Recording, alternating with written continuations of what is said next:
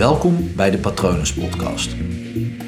Mijn naam is Paul Vet en in deze podcast deel ik inspiratie voor een leven vol vrijheid en verbinding.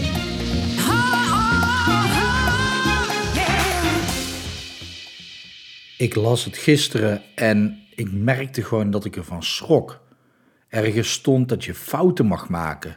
En ik schrok ervan, wat is dat voor onzin? Ik vind het echt absurd dat iemand dat op kan schrijven, dat je fouten mag maken. Wat raar is dat? Dat echt hetzelfde als zeggen dat je mag ademen. Want ja, het is toch gewoon leven. Net zoals je ademt en loopt. Je zegt ook niet, ja, je mag lopen. Het is toch raar of je mag ademen. Of je mag zingen. Het begint al iets, iets anders te worden dan, hè? gek is dat. Maar je mag fouten maken. De, de, de natuur is beweging, is groei. En door het maken van fouten groei je. En nog wel de juiste kant op ook. Want als je iets doet en je bestempelt het zelf, of laat het bestempelen als fout, dan kies je een andere richting, of dan kies je ervoor om het opnieuw te doen of anders te doen. Dus dan ga je ook nog eens die juiste kant op. Dus eigenlijk is een fout ook gewoon niks anders dan een richtingaanwijzer. En ja, je mag ook gewoon TomTom -tom gebruiken. Dat is ook zoiets raars om te zeggen. Ja, je mag wel TomTom -tom gebruiken. Ja, dat, dat is heel even normaal geweest bij um, het rijexamen. Op een, was zo'n overgangsperiode. Eerst bestond er nog geen TomTom. -tom. Toen wel. Het grappige is, TomTom is merk, want het gaat natuurlijk over navigatie. Maar heel veel mensen blijven het TomTom -tom noemen. Net zoals heel veel mensen een tablet een iPad noemen. Terwijl dat ook gewoon een merk is. Dan, dan doe je het goed hè, als merk, als, als dat gestandaardiseerd wordt. Um, maar ja, zo kan je een fout ook zien. Dat is gewoon een richtingaanwijzer, gewoon een navigatie van oké, nou je ging die kant op. Ja, dat werkt niet. Dan moet je de andere kant op. Zo simpel is het. Of je stuurt een beetje bij. Het is een beetje hetzelfde als een stoeprand. Als je met je auto richting een stoeprand stuurt, denk je, oh ja, de stoeprand, ik moet even een beetje terugsturen, want anders ga ik tegen de stoeprand aan. Zo simpel is het. Het is onderdeel van het leven. Het is het is als ademen, het is als drinken. Je zegt ook niet tegen iemand, ja, je mag drinken of je mag eten. En ja, ik, kan, ik had deze aflevering ook echt 10 seconden kunnen maken, want het is gewoon grote onzin. Maar ik, ik praat gewoon door om het tot je door te laten dringen dat het zoiets normaals is om, om te doen. Om iets te doen op een manier, ja, op een andere manier dan je vooraf had bedacht of af had gesproken omdat je het gewoon nog niet op die manier kunt. Ja, en dat is gewoon trainen. Trainen is leuk. Nou ja, ik moet ook wel eerlijk zeggen dat toen ik nog voetbalde, ik trainers had. En dat jaar hadden wij echt de ergste trainers. Die waren streng voor ons. Poh. Niet als we iets fout deden hoor, maar gewoon echt streng qua conditietraining. Streng in herhalingen. Tot vervelend toe de hele tijd dezelfde herhaling, dezelfde dingen trainen. En ja, zij wisten dat op het moment als je dat soort dingen traint, op het moment als er druk op komt te staan, dan val je terug in de routine.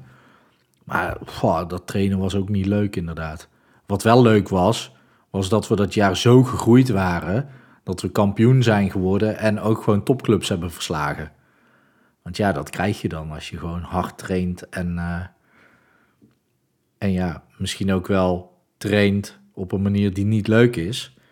En traint op een manier waarbij fouten maken zeker te weten gebeurt, omdat je gewoon op een hoger niveau aan het behalen bent.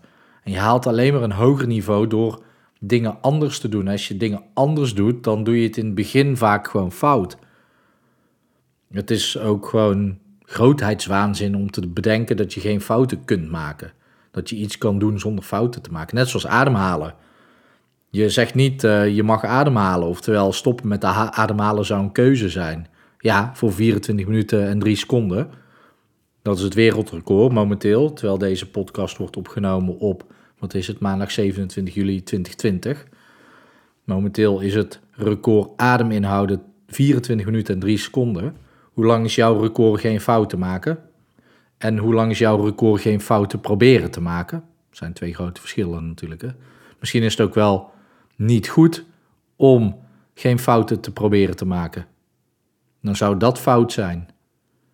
Dat is mooi, want dan zou je in het proberen geen fouten te maken al een fout maken. Dus kan je net zo goed, nou ja, naast je neerleggen, want dan is het toch al mislukt. Snap je?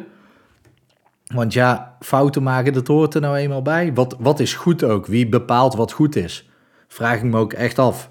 Wie, wie bepaalt de regels? Wie bepaalt hoe iets moet?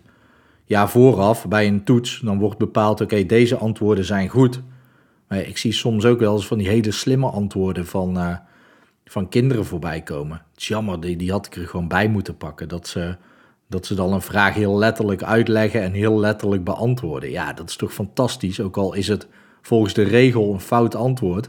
Het is veel leuker als iemand een heel ander antwoord geeft wat ook klopt. Tja, ja, ik hou ervan. En, uh, maar ja, goed, ik ben ook iemand die houdt van de box wegdenken. Ik doe niet eens aan out of the box denken, want dan hou je de box in stand. En dat is zonde, want vaak als je de box niet meer wil of niet meer wil wat er in de box zit, dan kan je beter de box wegdenken en geen box meer doen. Dat is veel relaxter. En ja, dat wordt door mensen misschien ook als fout bestempeld. Maar ja, als iets fout is, is het ook maar gewoon een mening van een ander. Net zoals regels. Regels zijn ook maar meningen van een ander. En ja, vaak worden regels wel opgesteld doordat heel veel mensen dezelfde mening hebben. Maar ja, ik weet niet of dat de norm, en daar heb ik het al vaker over gehad, of dat dat nou de beste groep mensen is om naar te luisteren als je iets wil bereiken. Nou, ik, uh, ik hoop in ieder geval dat het tot je doordringt dat fouten maken net zoiets is als ademen. Het hoort erbij. En ik hoorde van een ademcoach, Mark Rietvink. Als je daar dus meer over wil weten, moet je hem even opzoeken. Mark Rietvink. Uh, markrietvink.breadwork. En dat is zijn gebruikersnaam op Instagram. Maar ik denk als je googelt op Mark met een C, Rietvink, dan vind je hem ook wel. Hij zegt, ja, en je kunt niet fout ademen. Want het lukt altijd om nou ja, je, nou, je kan alleen maar fout ademen wanneer je dood bent. Zo, zo denk ik dan. Dus altijd als je leeft, dan adem je goed, want je brengt zuurstof naar je longen. Dus dan is het gelukt. Misschien kan je wel beter ademen, maar ja, adem je dan fout? Blijkbaar niet. Dus dat is, uh, dat is een mooie metafoor wat betreft fouten maken en ademen. Je ademt en dat kan beter, maar hoe je het nu doet is niet fout. En dat zou een mooie metafoor zijn om die voor het leven te gebruiken. Hoe je dingen doet is niet fout, je kan het alleen slimmer, beter, effectiever doen. Maar hoe je het nu doet is niet fout. Ofwel, ik zeg ook altijd fouten maken de man in plaats van kleren maken de man. En ja, dat geldt voor de vrouw ook, alleen dat spreekwoord is nou eenmaal zo. Fouten maken ook de vrouw. Is misschien wel leuk om die voortaan te gebruiken. Fouten maken de vrouw. Ja, dan moet ik, ja. Dan ik vind dit soort situaties best lastig. Want het spreekwoord is kleren maken de man. En dan zou ik hem ombouwen naar fouten maken de vrouw. Alsof vrouwen meer fouten maken of minder. Het is beide discriminatie, hè? of dat nou meer of minder is, of dat nou beter of slechter is. Het, het maakt niet uit. Het is het apart noemen van een groep.